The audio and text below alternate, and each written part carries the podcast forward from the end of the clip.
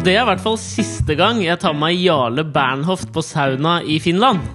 Velkommen til Alex og Fridtjofs podkast! Vi hadde en sånn idé eh, for lenge, lenge siden. Mhm. eh, hvor når man lager TV, så skal man ofte komme gående inn i en situasjon. Jeg tror du mener da man lager TV. Nei, altså hver gang når. Ja. Ja. Hver gang vi Ikke noe. Eh, har Jeg skal komme ha- tilbake til det. Har, du på deg en ferskenfarget uh, skjorte? skjorte? Lauren-skjorte? Ja, det har jeg. Jesus. Jeg uh, fikk en gang beskjed Vi var sammen med uh, Odd Magnus Williamson. Og så mente han at jeg kledde meg på den måten at jeg prøvde å speile sånn jeg følte meg inni meg akkurat den dagen. Ja. Da hadde han rett. Eh, Det var årstid års siden, kanskje? ja, det kan Ish, stemme. ja. Men det var ikke det jeg skulle snakke om. Men- For du, har på deg, du Ja. har på deg altså en, eh, Ferskenfarget Ralph Lauren-skjorte. ja, med en blå polospiller på brystet. Det er da Ralph Laurens varemerke. Den er ikke så langt unna den fargen du hadde på bokseren da vi satt i en sauna eh, i Hvitsten. Ja, Hvor- eller et hvor bare- badekar. I et badekar. Ja. Hvor da eh, det så ut som du var naken. Ja. Jeg ser for meg nå at hvis jeg, hvis jeg myser mot deg, ja. Så ser det bare ut som du har tatovert en sånn En blå sånn- Ralph Lauren på venstre brystvorte. Som jo er de mest harry tatoveringene som fins, syns jeg. Det er når folk tatoverer varemerkene til firmaer på kroppen. Men det jeg skulle si, Og det jeg skulle etterpå, si Ja. var at det da øh, øh, Når man lager TV på den måten, Ja. Så, så står kameraet og venter, og så kommer man gående inn, gjerne Jo, sammen nei, men med da må jeg skyte inn før du sier det. Fordi det Odd Magnus Williamson sa da, at jeg kledde meg på den måten at jeg, hadde, at jeg ville vise sånn jeg hadde inni meg, det stemte før. Men sånn jeg er kommet i livet mitt nå, så kler jeg meg sånn jeg skulle ønske at jeg føler meg. Så det er har, et vannskille der. du har lyst på en ferskenfarget eh, Ja.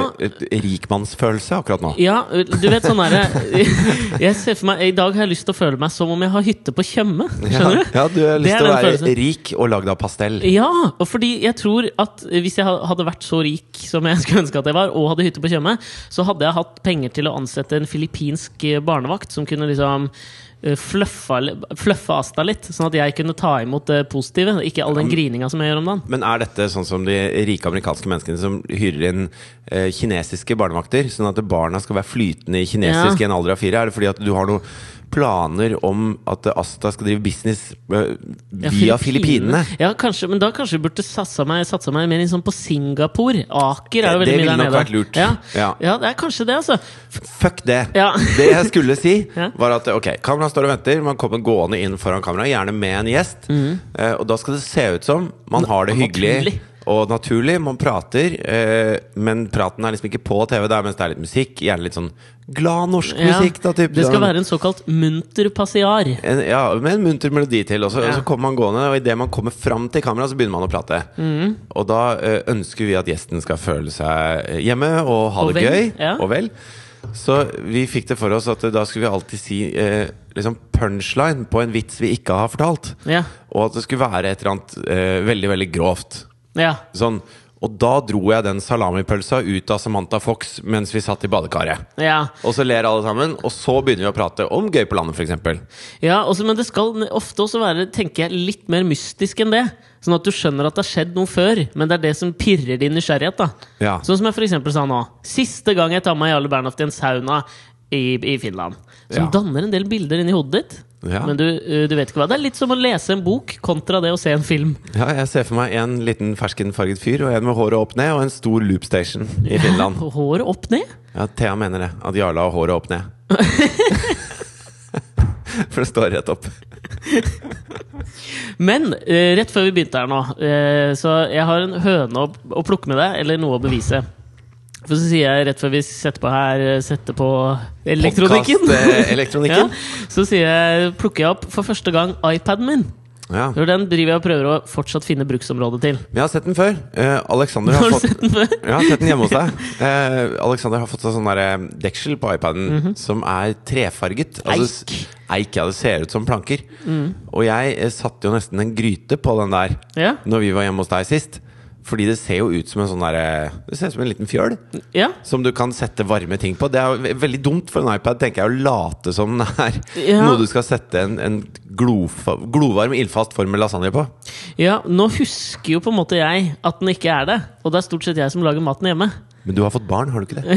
ja, Men poenget var at eh, eh, Hvor du mente sånn Så sier jeg Ja, dette her kan vi prate om. Nå har jeg, nå, jeg har nå prata om denne uka, sa jeg. Ja. Eh, Og jeg har med iPad. Hvor du eh, Hva heter det for noe? Flåser av meg? Fnyser av meg? Jeg kimset på den mest voldelige kimsemåten Ja. som er mulig å kimse på. Kimse? Kimse? Jeg har en kompis som sier Kimse. kimse. Jeg er helt feil. uenig. Ja, Ja. Det er kimse. Ja, skal jo si, sies at Dette er den samme kompisen eh, som fikk beskjed av eh, en snekker. Han skal pusse opp. At han måtte sjekke litt i veggene. Han hadde asbest i veggene. Ja. Skulle pusse opp hjemme.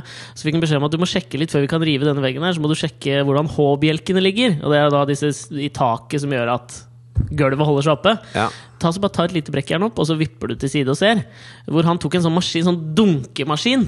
Et, en, et hammerbor. Ja, et slags hammerbor opp i taket og kutta strømmen til hele nabolaget. Ja. Og han sier Kimse, så du kan ikke stole på han. Det høres ut som en låt av Plumbo der. Jeg falt av asbest i vegga og tok hele Hvor er. Plumbo fra? Fordi med, det er go to-dialekten å merke, og det er jo, kan jeg si nå, siden jeg har en kjæreste fra Toten. Men hvis man skal eh, liksom parodiere dum bondemenneske, dumt bondemenneske, Ja. blir jo Toten-dialekta. Og hvis man skal parodiere en dum fyr i en ferskenfarget skjorte Ja. Frekstad. Hva?! Ja, det er Fredrikstad. Fredrikstad? Ja, ja, Hankø nede ved Hankø. Ja, kanskje Hankø. De som kommer fra Fredrikstad, men har lyst til å være på Hankø sammen med alle de rike fra Holmenkollen. Ja, jeg trodde de var på Tjøme. Kanskje jeg burde bytte eh, drømmested til Hanke? Ja, det burde de også. Jeg har vært på Hankø én gang. Og da Vet du hva jeg trenger akkurat nå? Nei. En liten sånn der gitarsnutt. Ok.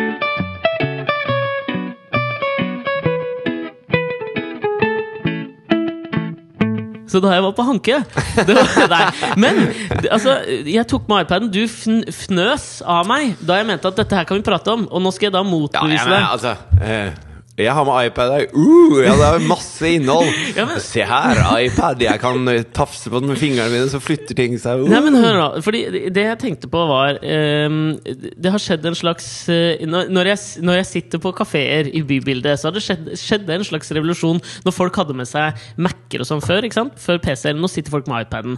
Det var litt det samme som for en stund siden, når de, man fikk, når de første begynte å få iPhone.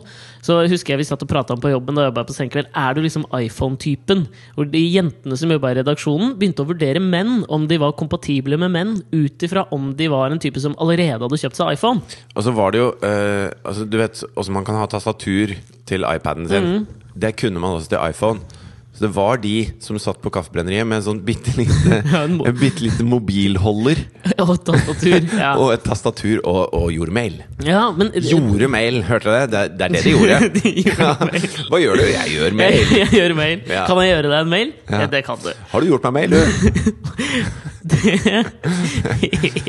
Å gjøre eller ikke gjøre. Jeg har bestilt til Asta. Apropos da det å liksom lære henne opp i singaporsk. Hva snakker de der? Tipper Singaporiansk. Ja. Eh, så jeg har bestilt boken eh, How to teach your children Shakespeare. Ja. Jeg prøver å branche litt ut. da Ikke bare skal hun være liksom eh, fluent i økonomien, språk, men også i det, ha den Du begynner ikke med ballasten. Homer først, da. Nei, jeg gjør ikke det. Odysseen. Nei, fordi det fins ikke en sånn Teacher Kids Omer. Og alt fins, Alex. Alt fins! Alt. Kjedelig. Alt er gjort. Alt er ferdig. Det jeg tenkte på da, når jeg da har uh, gått forbi dette vannskillet igjen og tatt med iPad istedenfor Mac i dag, Ja. så får det meg til å tenke på at grunnen kanskje er at Jeg vet hva grunnen er. Hva er grunnen? At du, har, de siste fire dagene jeg har møtt deg, så har du sagt sånn Åh, det er så tungt. Åh. Ja, men Jeg har gått og vært på din Mac òg. Ja, åh Det veier tre kilo Klarer ikke Må ha mindre dings Men nå må du huske at jeg går og bærer på et barn hele dagen. Så Åh. armene mine er Og det er jo snart fire kilo. Ja det er Hør klart, nå eh, her. Det er en tung affære Jeg tror kanskje grunnen er at jeg så denne Jobs-filmen denne uka.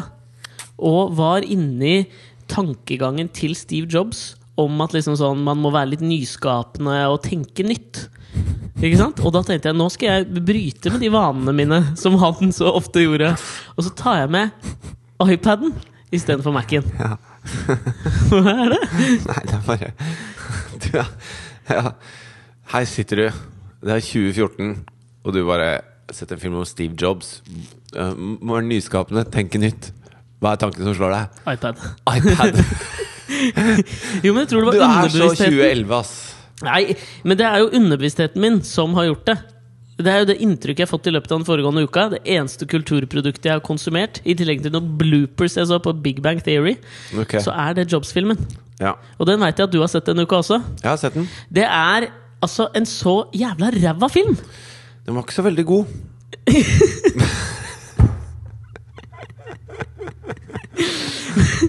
Men, men den har fått meg til å tenke på en ting, da. Men Ashton Kutcher Det er det det har fått meg til å tenke på. Jeg syns at når han var i, i punkt, så syns jeg han liksom kom til sin rett. Da uh, lo han og hadde litt den fandenivoldske, gøyale tingen ved seg. Ja. Uh, mens det han har blitt nå, er på en måte en fyr som ikke får til ting. Uh, ja, er han det? Ja, for nå er han i Two and a Half Men, Ja. som har steppa inn for Charlie Sheen. ja.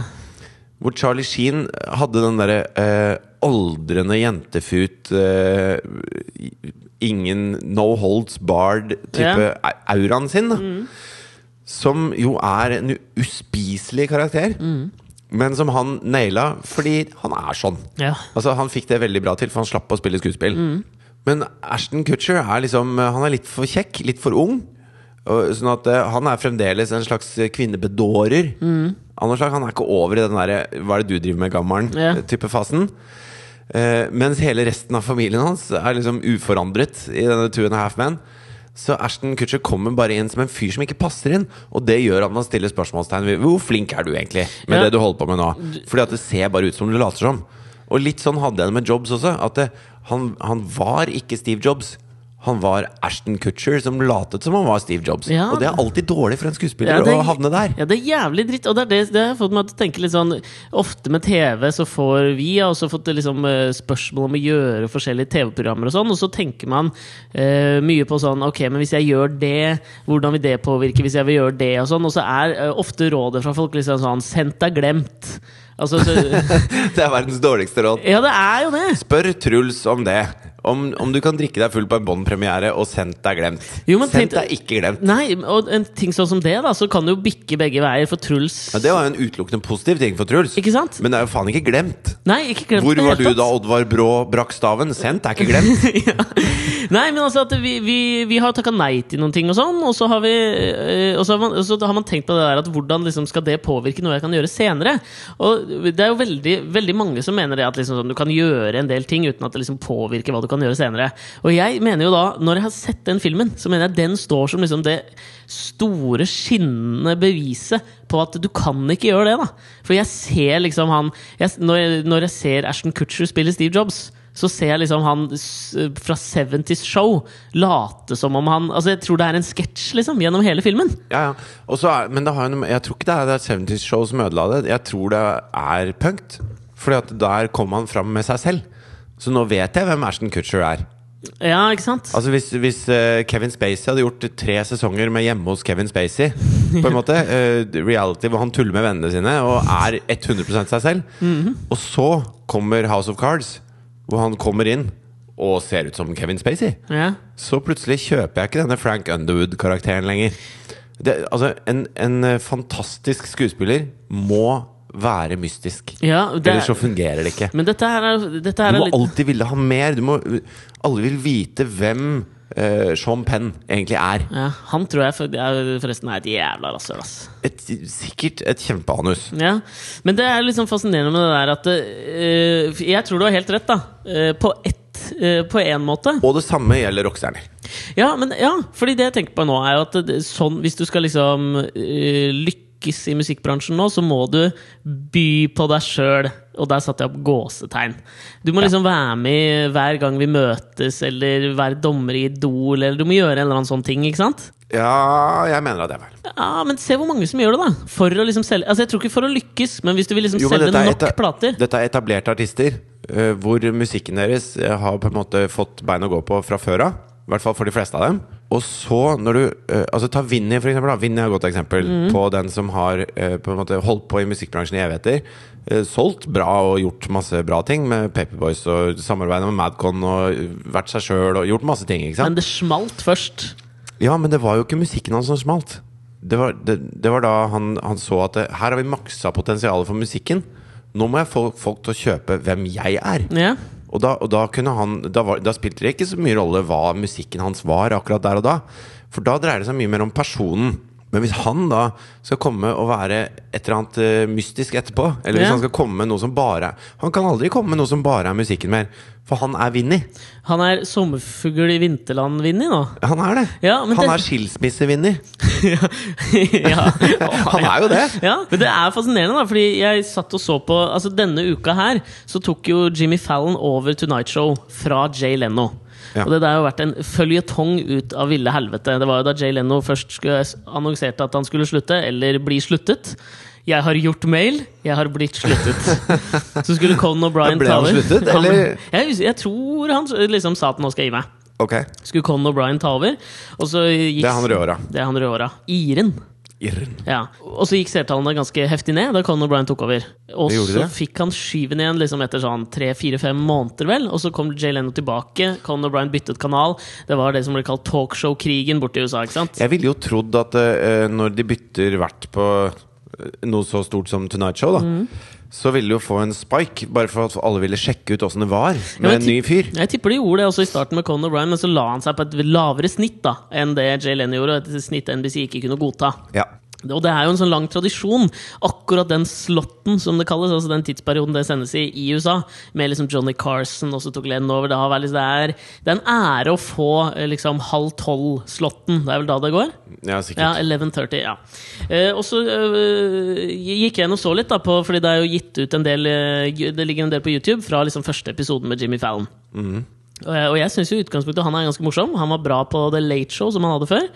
Jimmy Fallon, sette han, eller? Kom fra Saturday Night Live, ung komiker. Litt sånn Skal vi si Han er en litt sånn yndling blant eh, noen av disse unge stjernene nå. Ja. Altså eh, type Justin Bieber og Jimmy Fallon gjør mye gøy sammen. Åh, Mm. Ja. De er kompiser. Ja, og så Justin sånne Timberlake og Ja, de har hatt en del sånn The Evolution of Rap, og han lager en del sånne musikkting. Musikkvideoer i programmene sine. Ja. Så han er litt sånn annerledes enn de der gamle grabbene Jay Leno og David Letman og sånn. Ja. Eh, og så var det da hans første episode, så så jeg liksom på åpningsmonologen, som var, eh, den var grei. Den skal jeg komme tilbake til. Fordi det dette fikk meg til å tenke på, er når han setter seg ned da ved, ved skrivebordet første gang i, dette, i denne første episoden. Så sier han liksom sånn Ja, fader, dette er helt rått. Og så har jeg bare én ting å si til deg. Du veit hvem du er, kompis. Som sa at jeg aldri kom til å få Tonight-slotten. Du skylder meg 100 dollar. Og så er det liksom en Så ler folk litt, da. Men så ser han liksom til siden, og så ut fra bak scenen så kommer da Robert De Niro gående ut Ok. med en 100-dollarseddel og smeller den i bordet, liksom. Ha, ha, ha. Og så tror man vitsen er over der, men da er han bare så vidt i gang. For så kommer Mike Tyson ut med 100 dollar, smeller i bordet. Okay. Så kommer Tina Fey ut med eh, 100 dollar, smeller i bordet. Joe Namath kommer ut. Lady Gaga kommer ut. Sarah Jessica Parker kommer ut. Seth Rogan kommer ut. Altså, det kommer altså, Så alle de er homo? Hva? Var det det du dro ut av her? Kommer ut av skapet. Ja, Ja, veldig dårlig vits. Unnskyld. Du men- spol litt tilbake og fortsett. Det kommer du greit. Jeg bare stryker det hele. Den skal med. Eh, og så kommer Ja, det er jo et ekstremt mange som kommer ut og så legger da 100 dollar på bordet. Og den siste som kommer ut, er jo da Stephen Colbert, som kommer ut da med en svær bøtte med mynter. ikke sant? Ja, selvfølgelig Og så han det. heller han utover, tar en selfie og sier liksom 'Welcome to 1130, bitch!' Så okay. jubler alle, fordi Ja. de går jo da mot hverandre. Det syns jeg høres ut som en pangstart. Det er jo en pangstart, men der har det, det er en sånn to ting jeg tenker på da. Den ene tingen er jo den derre uh, Mister man mystikken? Mister type sånn Altså Robert De Niro mista jo mystikken da han var med i Svigers er aller verst. Nei, Robert De Niro har det fremdeles. Ja, mener du det, eller? Ja, fordi det var ja, fordi man, det, altså, spørsmålet mitt er så- Blir det ødelagt bare av å være med på sånne ting, liksom? Nei, jeg, jeg syns ikke det. Fordi at det, eh, det må altså, Stort sett når sånn skuespillere er på sånne ting, så får du fem minutter. Du, du uh, grafser litt i overflaten. Det er noe helt annet å ha uh, liksom en, en hel sesong med eh, punk, da, hvor du er 100% deg selv hele tiden. Ja. Da, da, da viser du alt, liksom. Eller hvor du sitter og gråter fordi Bjørn Eidsvåg spiller eh, Barcelona-låta di hver gang vi møtes. Og så sutrer som en liten jente, da. Ja. Eh, da, da mister du mye mystikk. Da, da er det ingen som Mystikk! Ja, mystikk! Hører du hva jeg sier? Fordi at det, jeg, jeg bare tror at eh, De ringte meg fra Mann i går. Bladet Mann. Ja. Jeg så Thomas Seltzer hadde gitt nok et intervju til bladet Mann om hvordan kokain ødela livet hans. Ja. Hvor mange ganger kan man fortelle den samme historien og fortsatt være interessant? Det er ganske mange ganger Ja, siden. jeg tror det. Ja. Hva lurte man på? Nei, de skal gjøre et portrettintervju om Jarle, da. Og så Åh, lite skuff! Så det skulle bare være kilde, liksom? Nei, altså Så lurte de på noe greier, da. Og så sa de at Jarle har sagt at han er veldig uambisiøs. Mm. Tenkte han eh, Stemmer det, liksom? Så, øh, nei. Ja, du tenker på Jarle Bernhoft som flyttet til USA for å satse på musikkarrieren? ja, som fikk med seg hele familien over til USA. Så sa jeg at eh, han, han er jo ikke uambisiøs. Det er jo helt feil å si, liksom. Det er klart, altså det, er ingen som, det er ingen som har øvd så mye som han har gjort, Mm. uten å ha ambisjoner med det. Det er ingen som jobber så beinhardt med musikk uten å ha noen ambisjoner med det. Det er ingen som ofrer hele livet for en karriere som han ikke har ambisjoner med. Ja. Så, men det er sikkert veldig eh, Altså, jeg har aldri vært bra på dette med kred. på en måte Det er sikkert veldig lurt å si at man Ja. ikke har så mye ambisjoner med det. At du bare Nei, jeg bare Altså, jeg lar det som skjer, skje, og jeg, jeg vil ikke nødvendigvis albumet opp og fram. Det er bare Så hvis folk digger musikken min, så er det kult. Ja. Og det, det, er sikkert veldig sier. kult å si. Ja. Men det er jo bare eh, veldig usant. Mm. Og, og, og jeg føler at Jarle klarer å holde på den der mystikken rundt seg selv. Mm. Han gir ikke for mange intervjuer, men han gir noen. Han, han er ikke for åpen med hvem han er.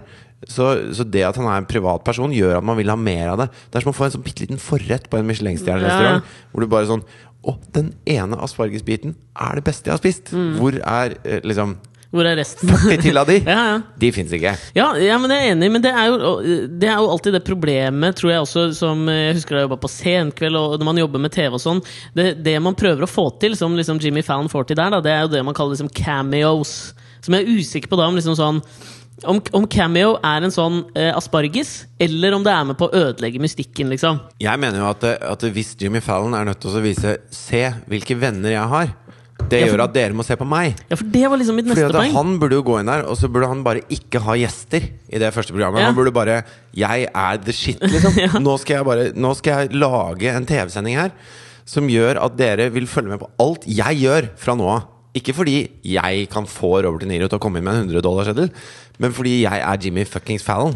Ja, fordi jeg mener at vitsen faller jo altså sånn, det, der, det som hadde vært gøy med den vitsen, var hvis det bare var Robert De Niro som kom og la hundrelappen. Men etter hvert, altså når person nummer ti kommer ut, så, blir det jo, så går det jo over fra å være morsomt Du ler på de tre første. Så ler du litt. Og så tenker du 'wow' Ja, etterpå. tenker du, tenker du wow etterpå, og så tenker du liksom sånn Ja, nå er det show-off. Nå skal Ja. du bare vise hvor mange du kjenner, og hvor mange som liksom støtter deg. Det er litt sånn som å være i en presidentkampanje, og så står Barack Obama sammen med JC. Ja. Og det er liksom, da, et, på et tidspunkt der så blir det ikke morsomt lenger, så blir det og så står. Mitt Romney sammen med Kid Rock, og så lurer du på hvem du skal stemme på.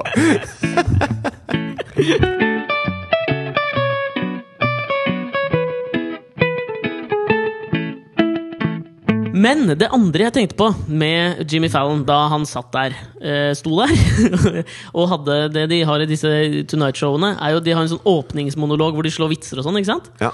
Og så forteller slags lite standup-show på fem-sju minutter. Ja, men det som alltid overrasker meg også med disse her, er at de er så åpne for at de bare leser fra cue-cards. At de bryter da den der, fordi det er den samme mystikken som jeg har lyst til å oppleve når jeg ser på TV-program. Så vil jeg liksom føle at eh, det er noe umiddelbart der. Men David Letterman sier det, Jay Leno sier det, og nå sa liksom Jimmy Fallon det òg.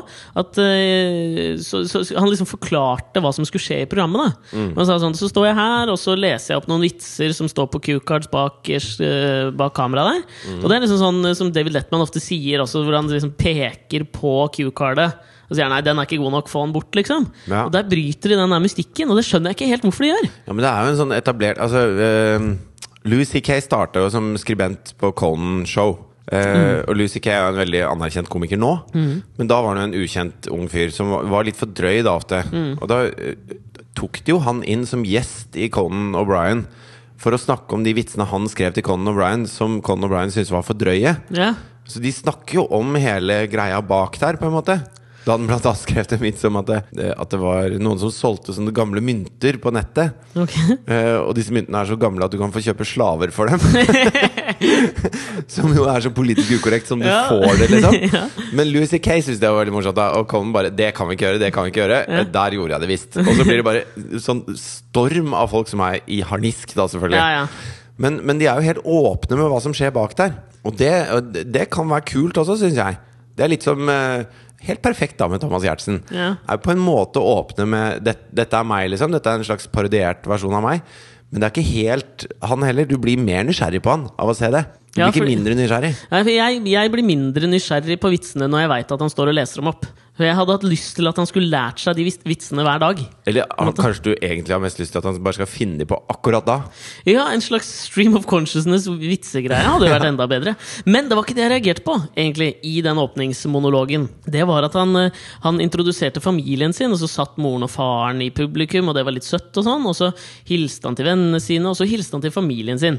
Og jeg tenker at sånn Opp mot at du tar over The Tonight Show, som kanskje er, det er den største æren i talkshow i USA, er å få akkurat den slotten der. Ja, bortsett fra late, late Show med Letman, da. Jo, Kanskje han har større seertall, men jeg tenker sånn historisk sett med Johnny Carson og Jay Leno, så er det Og på NBC liksom den store Føler jeg liksom er NRK i USA. National Broadcasting Company! Jeg skjønner det. Ja. Så føler jeg at liksom det er, det er en, en stor slott å ta, da. Okay, så ja. skulle han da eh, ta over det, så ser jo jeg for meg at det er sånn ekstremt mye jobb opp mot Det siste halve året så har han jobba liksom to jobber, tenker jeg, med det han hadde, det Late Show som han hadde, for han gikk jo rett over fra det til Tonight Show. Mm. Så føler jeg at der har det vært. Nå, nå har han vært sliten, liksom. Det er mye jobb opp mot det første sendinga som skal liksom Den skal sitte, ikke sant? Ja.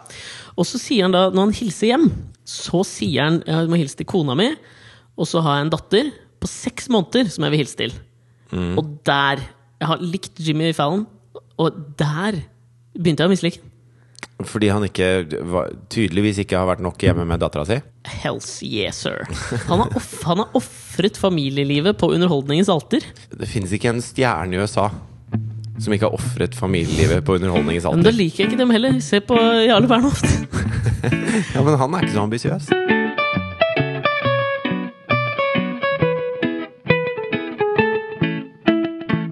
Men det er noe med den mystikken som jeg syns det er deilig å miste fullstendig. da Altså, okay. jeg tenker på det er, det er et eller annet med den mystikken hvor man prøver å uh, Man prøver å skjule det private, ikke sant?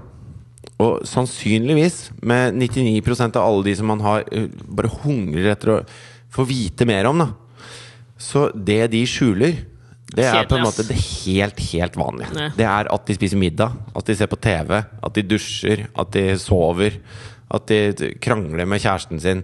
Det er helt uinteressante ting, men det er fordi man ikke får lov til å se det, så, så har man veldig lyst. Ja, er sånn, Jeg blir irritert av å se sånne der folk Det var en venn av meg som posta på Facebook her nå. Du vet sånn der Hvor du lager sånn skrift på bilder som jeg føler er liksom internettvarianten av å ha home eller hope eller love på veggen. Så, sånne visdomsord, ikke sant? Ja, ja. Hvor det står sånn Remember, uh, uh, Beyoncé and you have the same amount of hours each day. Så Beyoncé utretter så innmari mye mer! Enn de fleste? Ja, Ja. Det, det tror jeg hun gjør. Det tror jeg ikke hun gjør! Jo, det tror hun jeg har en jævlig laidback dag. Hun har barnevakter fra Filippinene og er Kina. Hun. Hun er ikke hjemme klokka fem for å spise middag med JC. Ja, men de spiser ute, de. Ja, men Tenk deg så kjedelig, ja. Ja, men De har ikke laga mat. Dere har de samme mengden timer hver dag. Ja, det- har vi. Og jeg utretter Jeg tror de fleste som er i Norge, utretter ganske mye mer enn Beyoncé gjør på en dag. ja det, det kan nok godt stemme, men Beyoncé rekker å trene. Ja, ja, Og hun rekker å føne håret. det gjør hun, men det er jo fullstendig uviktig. Og så rekker hun å si Prillepralle, prillepralle, prillepralle. Sånn står Beyoncé. Og så står JC sånn. Fy faen, flau! Sånn, der var den mystikken borte. Det var en siste rest, ass! Du hadde en sånn, hva er det det heter når du skal ha i, en liksom knivsegg Jeg i gjorde et fullstendig sånn harakiri Ja, du gjorde det. på coolness. Ja, da var du ferdig. Kan vi få da bare en reprise på den JC-parodien? Nei, det kan du ikke. okay. Men øh, jo, det jeg skulle si, var at det, sånn som med eh, oss to, da, kjære Aleksander. Ingen av oss kommer til å stå og gjøre Per Gynt på Nationaltheatret noen gang. Og det har vi heller ikke mystikken til å gjøre. Nei, mitt vi selvbilde som- er sånn at jeg tenker hvis jeg hadde fått tilbud om, det, så hadde jeg klart det. Ja. Ja, ja. Jeg òg. Hvis jeg ikke hadde vært med på Gøy på landet først. Det er det, skjønner du. At vi har på en Ja. måte åpna den døra på vidt gap. Den som Ashton Kutcher også har sparka inn. Ja. Den, men vi er i hvert fall klar over det. Det er ikke Ashton helt. Han tror fremdeles at han kan bli Kevin Spacey. ja. Eh, mens, mens vi er pinlig klar over at, eh, at og- Men jeg har ikke noen ambisjoner om det heller. For at jeg syns det er veldig mye deiligere for meg som person å slippe å late som. En skuespiller er jo en som later som. Og en, en mystisk artist er en som later som man har et eller annet veldig mystisk som du ikke får vite hva er. Men så er det bare en helt vanlig ting, sannsynligvis. Med unntak av et par sånne helt kokosfolk, da, selvfølgelig. Ja, altså Daniel Johnston var mystisk. Og det er- Meget mystisk. ja. Men han var jo helt sprit hakkende gal. Ja. Han gikk jo inn og ut av institusjoner hele livet. Ja, jeg tror det er en del som er mystiske, og at det ikke bunner i eh, at, det, at de er kjedelige. Men jeg tror det er jævlig få! Jeg tror den skuespilleren i Norge som etterlever det der og på en måte etterstreber etterstrebe mystikken mest, det er jo eh, han Pål Sverre Valheim Hagen. Ja. all, han stiller jo ekstremt sjelden opp på ting. Og det er derfor kanskje du tror på han som Tor Eirdal. Altså, Pål Sverre Valheim Hagen hadde aldri kommet inn hvis eh, Else Kåss Furuseth, som jeg føler at de groomer henne til å ta over for Senkveld-gjengen, ikke sant? Når de gir seg, så skal Else inn der. Ja. Da kommer ikke han i første episode inn og Else sier Og du der hjemme som skylder meg 50 spenn, du sa at jeg aldri kom på fredagskvelden på, i gullrekka til TV 2. I proved you wrong. Så kommer ikke Pål Sverre Valheim Hagen inn og legger 50 dollar på bordet. Men det er han hun må ha, hvis den vitsen skal fungere. Ja, det er det jeg mener. Det er han som er Robert De Niro. Ja, nei, han er jo mye mer mystisk enn Robert De Niro. Jo, men Robert De Niro er fremdeles en person som eh, jeg bare tenker på i skuespillerøyemed. Altså, det, det spiller ingen rolle om han gjør hjemme hos svigers, fordi han er fremdeles eh, Du kommer ikke noe nærmere på han som person ved at han gjør hjemme hos svigers. Så det man altså, Så det har ikke med kredibilitet å gjøre. Det har bare med at det, der du syns, er der du eh, gjør jobben din. Og, og ingen får vite hvem du er, for det, det hindrer deg å gjøre, gjøre jobben din. da Det du aldri må gjøre, er å vise ditt sanne ansikt. Er det det du mener? Hvis du har lyst til å være skuespiller Ja. eller mystisk. Okay. Jeg har ikke det, eksempel. Jeg har vært ekstremt Jeg sto på matprat samtidig som jeg spilte i rockeband. Det er jo øh, meget litt mystisk. ja. Umystiske greier. Men hva er det, det, Du har en teori på skuespillere. Hadde du en teori på musikere òg? Ja, jeg mener at For mange av dem så er det det samme. Fordi at det, eh, du skal på en måte kjøpe det som er i teksten. da Og, og veldig mye dreier seg om smerte og sorg og, og huttetu. Eh, Sa han modent. Var det, Jo, men, ja, altså, det JC? bare- kan altså- du lage en JC-rap om Huttetu med din Nei, men når, når Johnny Cash synger uh, I killed a man in Reno, så tror du ikke at han drepte en mann i Reno. Men du tror, Ja, nesten, at, men du tror det nesten. Du tror at han, han kjente på den følelsen, og han var like ved, liksom. Og han er, Han var like ved! ja, Nå tenker jeg ikke geografisk, din Jeg tenker at det var, det var like før han gjorde det. da I watched a man kill a man in Reno. I was standing by. I thought it was kind of scary, so I took a flight Ja. to Los Angeles. I've been everywhere, man. I've seen everything.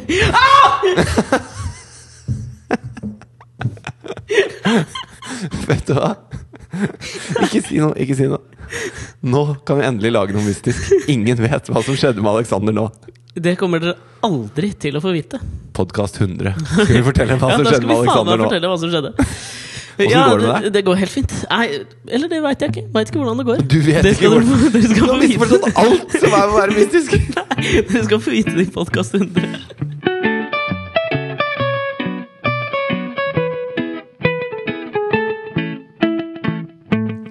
Jo, men Vinni kan ikke synge at han drepte en fyr på Gjøvik. Altså, det, det går ikke, da. For man kjenner Vinni for godt. Vinni har vist for mye av, av uh, sin kjedelige, helt vanlige person. Uh, som- altså ikke kjedelig, helt vanlig person, men han har åpnet opp døra og vist at eh, jeg er som alle andre. Jeg, jeg har slitt på hjemmebane, jeg syns ditt og datt er vanskelig. Jeg de griner når folk spiller låta mi. Jeg, jeg, er ikke noe, er ikke noe kul rapper som kan synge om uh, når jeg stjal en Levis fra Carlings i Markveien. Liksom. Altså, det, han, har, han har på en måte uh, åpnet den døra, og da kan man plutselig ikke gjøre sånne ting mer. Nei, det som dette får meg til å tenke på, som jeg tror er et problem for mange som ønsker å være mystiske, da, er at jeg tror du kan bli umystifisert by association. Jeg har to eksempler. Jeg Vinni er den første. Jeg tror eh, Hvis Vinni hadde for, forsøkt da, Si at han ikke hadde vært med hver gang vi Faen er det heter, da! Hver gang vi viser følelser på TV, vi musikere. Ja, så øh, Hvis han ikke hadde vært med der, og fortsatt å streve etter en litt Han var jo mye mer mystisk før det. Da det var litt sånn Er han eh, fortsatt avhengig av kokain? Ja. Altså, det var litt eh, mystikk rundt han, syns jeg. Ja. Famøs spellemannopptreden osv. Ja.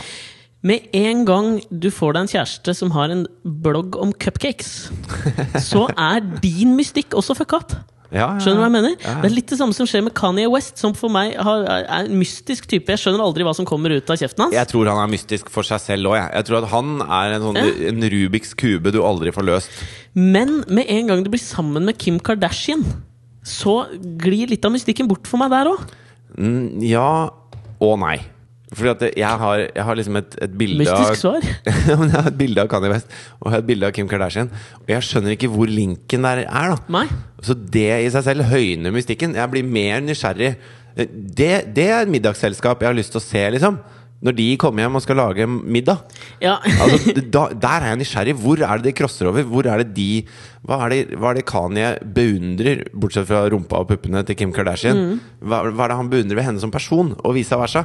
For jeg tror ikke, jeg tror ikke Kim Kardashian forstår teksten hans. Det tror jeg ikke han gjør selv heller.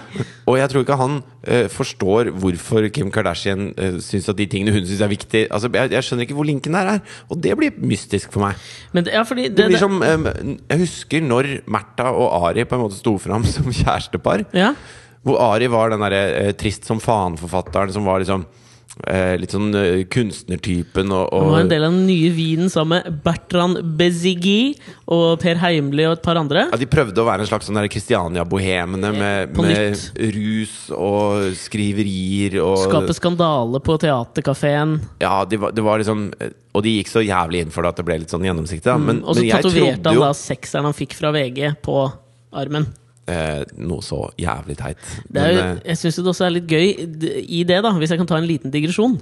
I at uh, Jeg skulle ønske han som serverte mat nede på Torgata Nei, nede på Bislett Kebab i, Hadde tatovert fireren fra Dagbladet på, på byens nest skulderen. beste kebab. Ja, grei kebab. Åpen det, lenge. Ja, fordi det som er gøy, er jo uh, når, uh, Som jeg syns alltid har vært gøy med den, der, den nye vinen, og at han tatoverte den sekseren inn, er jo at som liksom den nye vinen, så skulle de være disse kunstneriske bohemene. Men samtidig så betyr det noe hva den store tabloide avisen VG syns om kunstproduktet deres. Men for han så var det sikkert det samme som å tatovere Mækkern på magen. Altså Som noen gjør, da. Ikke sant? Tar et sånt eh, som et slags fuck you to the corporations. Ja, men jeg tror, jeg følte, Prøver de å være tøffe da, ikke ja, sant? jeg skjønner jo jeg, jeg, Men jeg tror ikke det var sånn motivert, for han var liksom så stolt over det. Og viste det fram til VG og var liksom stolt over den. Og anmelderen er jo en sånn Jeg kjenner jo hun som hadde anmeldt den boka. Ja. Som er en sånn ja, Jeg leste den jo, jeg. Jeg, jeg, satt jo, jeg satt jo av 18 minutter av livet mitt ja, Ja, leste den så lang. tynne lille boka. Helt grei. Helt grei. Ja, Men det som er gøy med det, er at anmelderen som har anmeldt boka, er en sånn eh, 50 år gammel dame som uh, jobba seg opp til anmelder. For hun skrev sånne Margit Sandemose-bøker, type sånne hjemmebøker. Ja, Så sånn- liksom, det er en sånn Det er en sånt um, uh, Det er en diskrepans mellom han og den anmelderen som liksom setter pris på arbeidet, som gjør at han setter på den sekseren. Men- Der mister du litt mystikk for meg òg, da. Men for meg så var eh, Når Ari Behn og Märtha sto fram med at de var kjærester, så var det et slags sånn Kanye West, eh, Kim Kardashian-moment. Ja, omvendt, da. Bare, ja, ja, eller ja. egentlig bare fordi de var så jævlig ulike. Ja. Altså jeg tenkte, Hvordan kan en kongelig eh, henge med en, en litt sånn eh, halvforfylla forfatterspire som prøver å som prøver å framstå som en sånn uh, kul, mystisk, bohemsk type. type. Altså den nye Christian Krogh, liksom. Hans Jæger. Hans Jæger, ja. Ja. Så skulle hun bli en slags sånn Kitty Grande Fitte. Callback. Mystisk. Lang callback, altså. Ja, det er mystisk. Hvis dere bare hører på de første episodene av Fridtjof og Alex' podkast, er det plutselig blitt Wow, nå. Freudian slip! Nei, men jeg trodde jo helt oppriktig, når de, når de da skulle gifte seg og gå opp kirkegulvet, så trodde jeg at han skulle si nei. At dette var hans store performance art. Ja. At dette var liksom hans bidrag. Han og Unni Askeland hadde planlagt lenge dette her. Ja, Mens Per Heimli står med en lang lang telelinse Ja. i busken for å ta bilde av ansiktsuttrykket til Märtha når hun hører at han sier nei til prinsessa og halve kongeriket. Ja, som kalles da ek, altså, Og selve performance øh, Hva kaller man det? Installasjonen hadde blitt kalt liksom ekteskapets mystikk. Eller fuck you, royalty. Ja, ja tydeligere. Ja, Men i hvert fall eh, men så viste det seg jo at det var sann elskov dem imellom. Og at eh, det at, det- Og det, og det, det syns jeg også er veldig veldig rart. Det forstår jeg ingenting av. Det er jeg veldig nysgjerrig på. Ja, nei, men Det er jo litt det samme som jeg føler Ari ben, som har skjedd med Ari Behn. Etter at han gifta seg med Märtha, så har han for min del mista en del av mystikken. Fordi det som har skjedd med han også da, er at han, Jeg så en sånn video som lå på Dagbladet, tror jeg, hvor han liksom er på Oslo Fashion Week og har på seg englevinger på catwalken og driver og danser. Og det er sånn, Når jeg da leser Hvis jeg leser om igjen bakgårdboka hans, da så vil jeg liksom fortsatt ha bildet, av meg bildet i hodet av at forfatteren her Han sitter ute i Lommedalen i huset deres. Og så tenker jeg, hva faen skal jeg finne på nå? Det er jævlig lite å gjøre akkurat nå. Og Märtha er på representasjonstur til Wien for å se på den spanske rideskolen. Artig referanse, eller? Vært i Wien, jeg. og så tenker, tenker jeg Faen, det er det ikke OFV-a for siste gang denne uka her?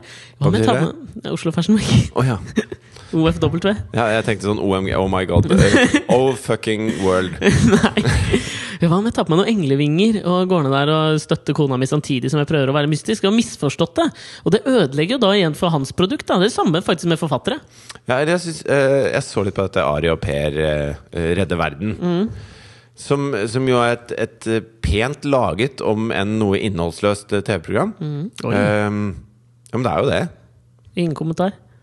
Jo, altså det, det som er innholdet der, er at en, en prins og en pornofotograf reiser rundt for å, lat, for å oppsøke fare, da, på en måte. Ja. Eh, med forbehold. Hele tiden. Fordi Ari er jo ikke en spesielt tøff fyr, og Per er jo med fordi han har fått med Ari. ja, det er det. Er det. Ja, ja. Så så jeg det, så var det sånn derre Var det hos en fyr som lagde sånne bilglass Snakk om å surfe på vennens bølga! Ja, ja. Det er helt sjukt. Eh, og så var det hos en fyr som lagde sånne bilglass som tålte kuler. Å ja, var de på Hurtigruta karglass? Og så for å demonstrere dette, da, så kan du stille deg bak en bildør. Uh, og så kikke gjennom ruta, og så fyrer de av en 9 mm i trynet på deg. Ja. Så kula går i det, Nei, i det vinduet, da.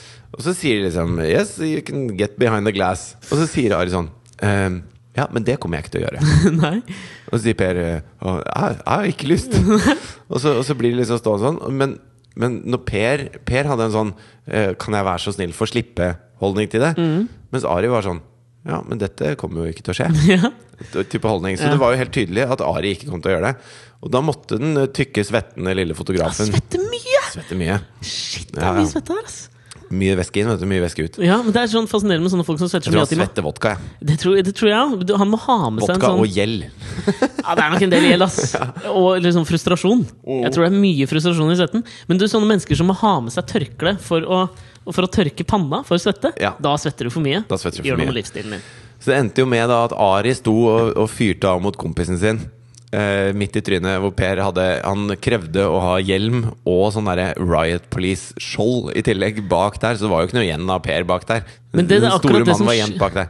Og det, og det, som, som skjedde, der, det var at det, Ari kom Ari var ikke lenger Ari. Ari var den redde gutten. Ja.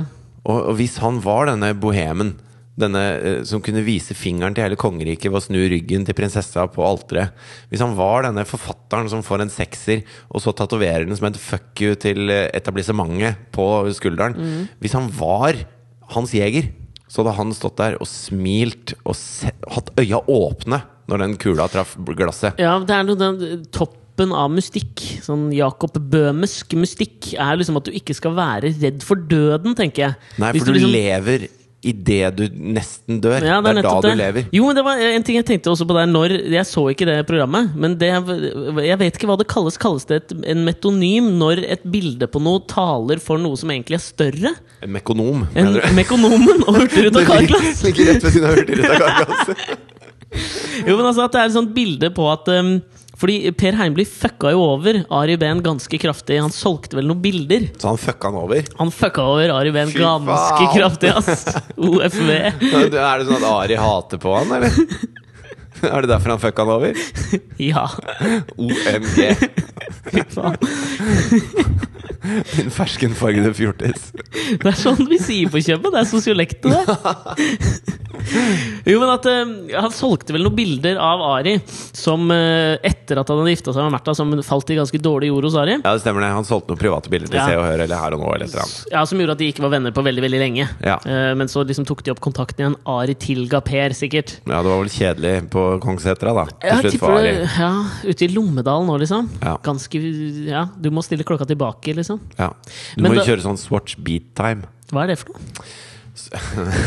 La meg fortelle deg om Swatch Følte jeg, følte jeg fikk det der. Nei, det var bare uh, uh, veldig kort. Klokkemerket Swatch uh, på, i midten av 90-tallet. Ja, det var nok da Swatch var på høyden. Så Litt det samme som da Oakley var på høyden, var Swatch på høyden. Ja, med sine O-frames. Eh, Ja. Men eh, Swatch var jo de som klarte å få plastklokker til å bli populære. Mm. Eh, så alle gikk med Swatch, da. Og så, og så skulle Swatch komme med nesten nyvinningen, så da skulle de finne opp tid på nytt igjen. Ja. Så de sa at eh, et døgn består av beats, og det fins eh, Altså, ett beat varer 1 minutt og 24 sekunder. Og det er Upraktisk. Nei, men eh, hør meg, hør meg ferdig nå. Ok. Fordi vi befinner, vi befinner oss i en globalisert verden.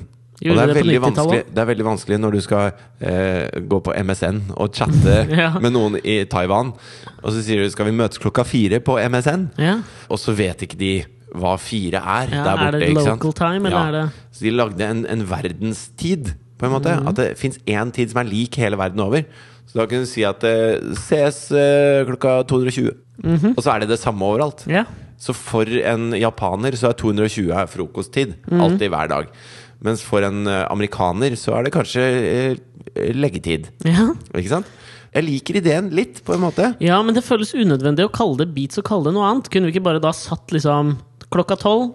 Nå stopper dere som er før klokka tolv, og så venter vi til tolv, og så blir det tolv. Nå er klokka tolv. Jo, men samtidig, det er jo veldig kjekt uh, å si at uh, Altså man har fremdeles behov for tid i den virkelige verden, da. Mm. Men at man har en egen klokke som er på internett, på en måte, eh, var Swatch sin store idé. Takk for meg!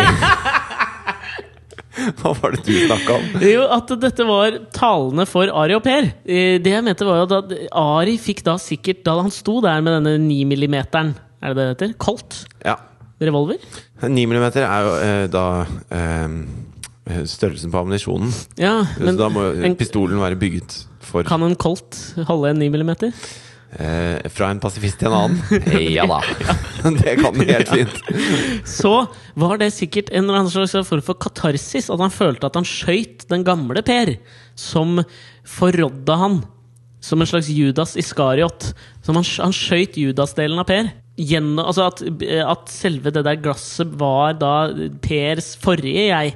Og at de da fikk liksom rydda opp i det. Det burde pitche som en bokidé til Ari. Nå syns jeg, nå synes jeg du var eh, platt og deilig. Takk.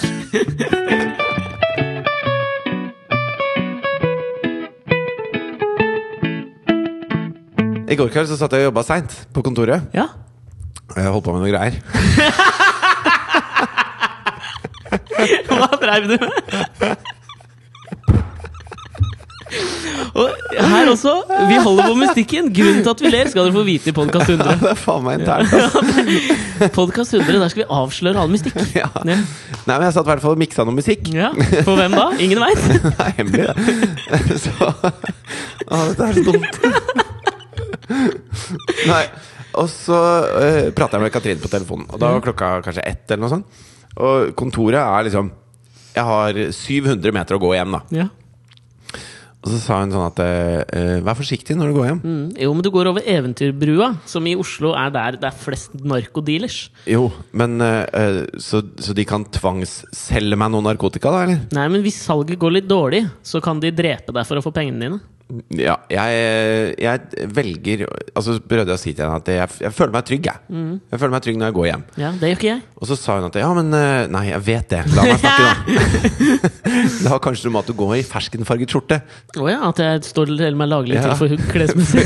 For jeg hadde tenkt sånn Hvis jeg hadde vært en drugdealer nede på Eventyrbrua Ja. og sett deg komme med en lett sånn Charlie Chaplinske gange og en ferskenfarget skjorte og et akneskjerf, mm. hadde jeg tenkt sånn Hei, Mr. Moneybags. Ja, det er jeg helt enig i. Det oser jo ikke med lang vei. Ja, deg kan jeg banke. Ja. Du er ikke noe utfordring. Men kanskje hvis jeg hadde prøvd å adoptere den der eh, gåmåten Ashton Kutcher Det eneste Ashton Kutcher hadde gjort for å ligne på Steve Jobs, var jo måten han gikk på. Kanskje Ja. jeg hadde hatt den litt framoverlente gangen. At jeg hadde tenkt han der er gal. Ja, og det ble en slags sånn derre uh, parodisk sånn uh, Hei, nå skal jeg late som jeg er en trombonist i Tromsø-type gange, da. Ja. Som eh, hør på Podkast 100! er mystiske greier, altså. I hvert fall, og så, sa Katrine sånn at hun hadde hørt intervjuet med en sånn politimann som har jobba som spaner lenge og skrevet bøker og sånn om Johnny Brenna, eller? Det kan godt hende. Ja. Ja, han det er den eneste politimannen Ja, da er det han. Ja. Og han sa at grunnen til at altså, masse overfall kunne vært unngått hvis folk var årvåkne når de gikk. Fordi at Hvis du går med headset for eksempel, og hører på noe, så får du ikke med deg hvis noen kommer opp bak deg. Si. I hvert fall ikke med en stor Si. padda hette. Nei, sant? Eh, fordi det snødde i går. Mhm. Ehm, så det er farlig, og du må, du må se deg rundt, for det er farlig å ikke gjøre det. Og du må, du må gå fortere, sånn at uh, du ser uh, ufarlig farlig, altså, alt, alt var liksom farlig, da. Okay. Og så ble jeg litt sånn uh, Jo, men kan ikke jeg bare Kan ikke jeg bare gå hjem da, når jeg er ferdig? Er ikke det greit? Ja. Og så sa han sånn Jo, men jeg har jo bare lyst til at det ikke skal skje noe med det her, liksom. Og så ja, fair enough. Og jeg skal prøve å være årvåken, da. Og så hører jeg bare, når jeg går ut døra, så kjenner jeg bare sånn podkast, nyheter Jeg har så lyst til å høre på, da. Så jeg går med én propp i øret. Oi, du hørte på henne. Så snilt av deg. Ja, for å være årvåken. Så ble det hetta litt lenger bak på hodet. Og så merka jeg når jeg gikk hjem, de jævla 700-meterne klokka halv to i natt, at jeg ble redd. Sånn ordentlig redd. Ja. Så hun hadde klart å, å sette frykten i meg, på en måte. Og når jeg ble redd, så kikka jeg meg rundt uh, hele tida. Jeg så en fyr som sto på et gatehjørne foran meg. Så gikk jeg på andre siden av gata, og så gikk jeg forbi han og prøvde ikke å se på han. Og når jeg hadde gått forbi, snur så han, snur jeg meg og ser. Det er så patetisk at jeg ble sånn redd. Og jeg tror da at det fordi jeg gikk sånn hjem, så oser jeg overfallsoffer. Jeg oser at han er lett å ta, liksom. Eh, mens uh, grunnen til at jeg bare har blitt overfalt én gang Jeg innser at mine argumenter faller på stengene. Yeah. Men jeg tror at det, hvis, man, hvis man går som man ikke er redd Hvis du oser swagger Hvis du bare 'her hører jeg hjemme', og jeg går her nå, og det er helt ufarlig for meg, yeah. så, så blir du ikke overfalt. Da er det greit. Jeg bare, jeg bare følte at det, det skal så lite til da før man arver den frykten. Og en gang så var jeg i uh, LA aleine, og så skulle jeg gå på rollerblades til Venice Beach fra Silver Lake, som viser seg å være ganske langt. Ja. Uh, og jeg visste veldig lite om hva som var de gode og dårlige nabolagene i LA på den tida. Venice by night. Der skal du holde deg litt unna. Ja, men dette var jo by day, så det var okay. ikke så farlig. Men å, å være en høy, blond, spinkel fyr på rollerblades med ryggsekk gjennom Culver City, derimot, Ja. er en dårlig idé. Ja. Det er et sted hvor amerikanere låser bilen mens de kjører. Ja. Der kom jeg på Var det ikke derfor Mercedes-Benz innførte den der at når du har kjørt fem meter, så låser bilen seg automatisk? Det var pga. at det var så mye sånn carjackings borti LA. Ja, det kan godt hende. Sånn at, for folk glemmer jo også å låse dørene. Sånn at når du står der, mye kø på alle disse veiene i LA. Ja, ja. Så folk liksom løper bort til bilen, og så kaster de deg ut. Litt sånn sånn GTA-spillet. Ja. Du bare kan kaste folk ut. Det tror jeg var grunnen. Men i hvert fall, da gikk jeg og ante ikke at det var farlig. Så, så folk må ha tenkt at jeg var helt ko-ko ikke sant? Når jeg gikk der. Og jeg tryna til og med utafor en sånn hispanic-kiosk der. Hvor jeg, de klipper altså grenene på trærne klipper de eh, alle grenene som vokser nedover, men ikke de som vokser oppover. Så det, som, det var en hel sånn stamme som sto ut over eh, fortauet som jeg ikke så, da, som traff meg liksom i hårfestet når jeg kom i 50 km i timen på rollerblades. Hvor jeg hadde badetøy i sekken. Jeg, fordi du er på hjul, da. Når hodet ditt bråstopper, og du er på hjul, så går du straks ut i en sånn vannrett posisjon Ja. med, med hjula først, på en måte. Og så datt jeg da på bakhodet ned i asfalten. Du hadde ikke hjelm, nei? Jeg hadde ikke hjelm. Men jeg hadde badetøy. Jeg hadde badetøy. Ja, det Sånn at det, den sekken sklei jo opp, og jeg landa med hodet på eh, badetøyet. Så det gikk veldig bra. Ja. Men da kom det masse sånne her, eh, Du vet sånne eh, meksikanske gangstertyper med sånn, eh, sånn klut, sånn skjerf. Ja. Som, som de binder rundt hodet som et skaut, bare ned sånn at de nesten ikke ser noe. Ja. Sånn at de må ha hodet litt bakover for å se hvem du er. De kom og hjalp meg opp og sånn, da. Og bare Hey man, are you okay? Og det var veldig sånn. Mens jeg tror hvis jeg hadde gått der og, og skult meg over skulderen og følt at Hjelp, her er det noen. Ja. Å nei, å nei, å nei. Da hadde jeg jo blitt rana på null komma svisj. Ja, det tror jeg. Og det får meg jo da nå til å tenke, når jeg treffer deg i dag Når du da forteller om hvordan du tidligere har ost swagger, men at Jeg har bare vært så uvitende har at folk har ost swagger.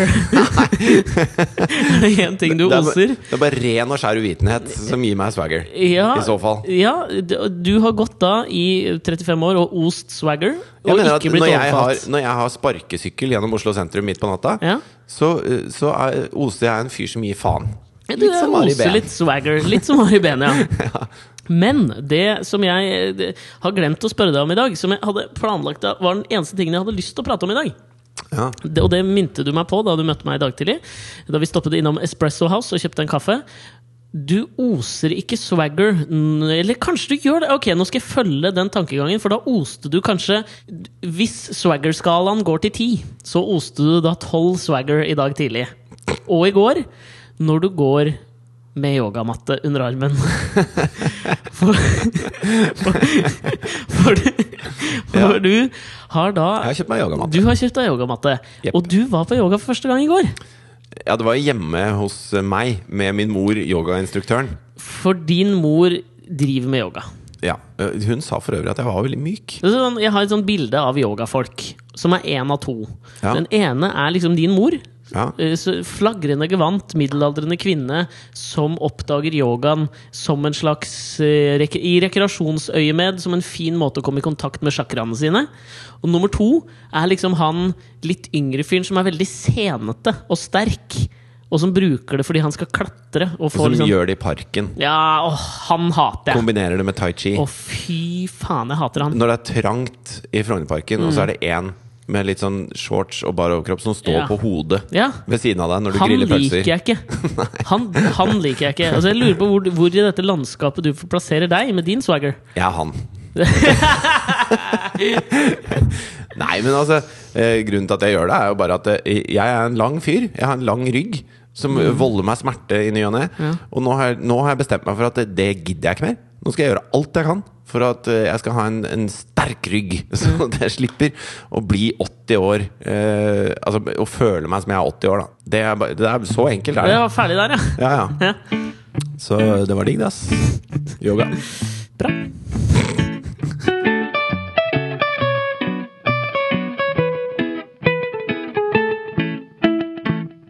Nå viser de jaggu pandabjørner porno nede i Kina. Pandabjørner Hva? i fangenskap blir vist porno rett før Altså pandaporno. De har filma pandaer som har sex. Viser det til pandaer i fangenskap. Slipper ut pandaene for at de skal lære da å reprodusere seg selv. Men, eh, blir de kåte av det? Jeg vet ikke. Og så fungerer det? ja, det, de fortsetter jo med det, så åpenbart så funker det jo. Altså, eh, hos mennesker, da. Mm. Så funker det jo. Ja, du blir jo opphisset av det. Nei, men det jeg skulle si, var at eh, eh, gutter er mye mer visuelle på, på, på det. Enn Jenter. Hvordan da? Nei, altså, en, en gutt eh, som eh, puler Ja. Han ser på kvinnen mens han gjør det, mens kvinnen lukker øynene og føler Drømmer om Ari Behn. Han ser seg redd over skulderen. Hva? Nå har jeg nok swagger akkurat nå. Nei, men altså at, at gutter eh, For gutter er visuell stimuli viktig i sexakten. Mens for jenter er ikke det fullt så viktig. Kanskje det gjelder pandabjørner òg. Hvem veit? Det er et mysterium. Det er jo dumt, da. Fordi at kvinnen Jeg tenker meg i pandabjørner De har ikke alskens stillinger å velge mellom. Det blir jo en sånn Doggy panda-style. Ja, det er Doggy Panda-style. Det er stort sett det. Hvor kvinnen står da på alle fire som en Pandabjørn. slags pandabjørn. ja.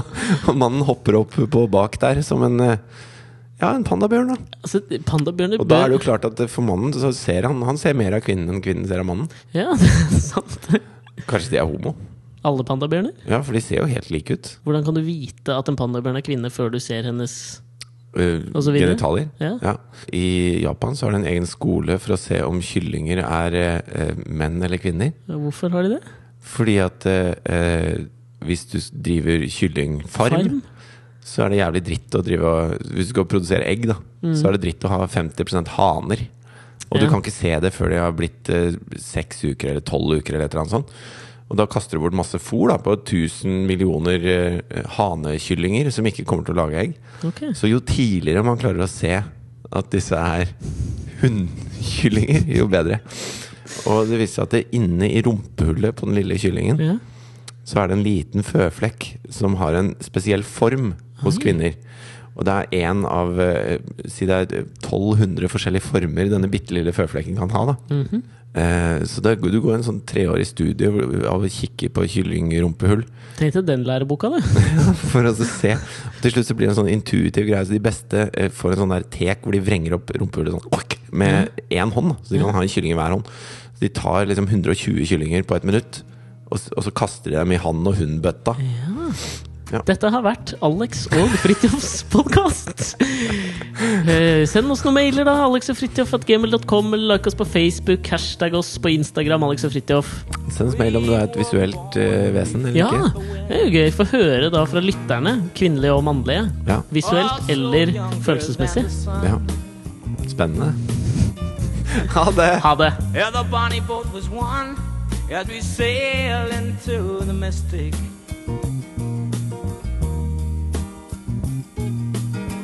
Oh, I can now hear the sailors cry. Smell the sea and feel the sky. Let your soul and spirit fly.